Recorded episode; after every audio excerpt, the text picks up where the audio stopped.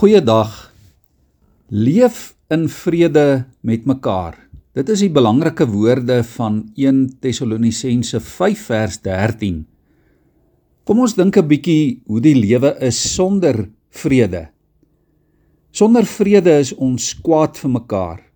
Ons beklei, ons skel mekaar uit. Sonder vrede veroordeel en ignoreer ons mekaar. Ons koester wrokke, ons weier om mekaar te vergewe. In Matteus 5 vers 22 sê Jesus: Maar ek sê vir julle, elkeen wat vir sy broer kwaad is, is al strafbaar voor die regbank, en elkeen wat sy broer uitskel vir 'n gek, is strafbaar voor die Joodse raad. En wie hom uitskel vir 'n idioot, is strafbaar met die helse vuur. So ernstig, liewe vriende, is Jesus oor vrede. Met vrede sal daar harmonie wees. Daar sal begrip wees en aanvaarding en respek tussen mense. Efesiërs 4 vers 26 sê: Moenie 'n dag kwaad afsluit nie.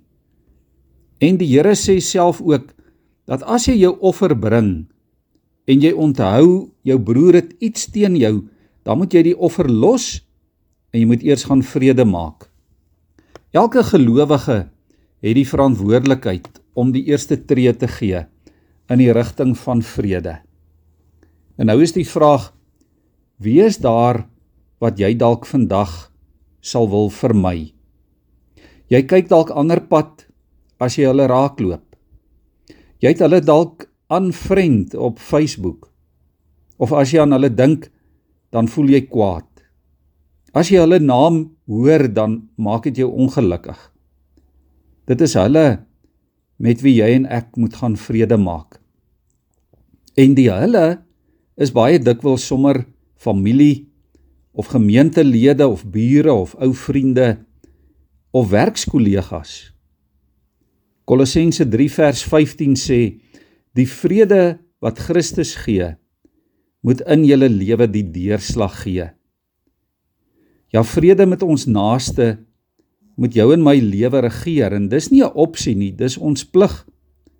Hoe langer jy uitstel, hoe moeiliker word dit om vrede te bewerk. Die boodskap vertaling van Kolossense 3 vers 15 sê dit soos volg: Dit moet ook vir julle baie belangrik wees om die vrede wat Christus vir julle gegee het tot elke prys te bewaar. As julle met mekaar begin vassit, maak juis dan die keuse vir die vrede van Christus. Om die vrede te bewaar is belangrik want God verwag van julle om soos een liggaam saam te werk. Hy wil geen dwarstrekkery hê nie. So as daar vrede tussen ons is, liewe vriende, dan ja, dan kan ons saam staan. Dan kan ons mekaar troos en bemoedig. En dan kan ons mekaar mos aanspoor en aanmoedig. Daarom kom ons kies en kom ons elkeen loop vandag die pad van vrede. Ons buig in gebed voor die Here. Here ons bely vandag dat U die God van vrede is. Die vrede wat alle verstand te bowe gaan. Ja Here, die vrede wat dikwels alle logika oorbrug, ook ons eie voorbehoude, ons eie persepsies, ons eie veroordelings dikwels van mekaar. Here, vergewe ons dit as ons so met voorbehoude na mekaar kyk. Help ons om vrede te soek met almal rondom ons. En Here, as vrede nie moontlik is nie, help ons dan om vrede in U te vind. Amen.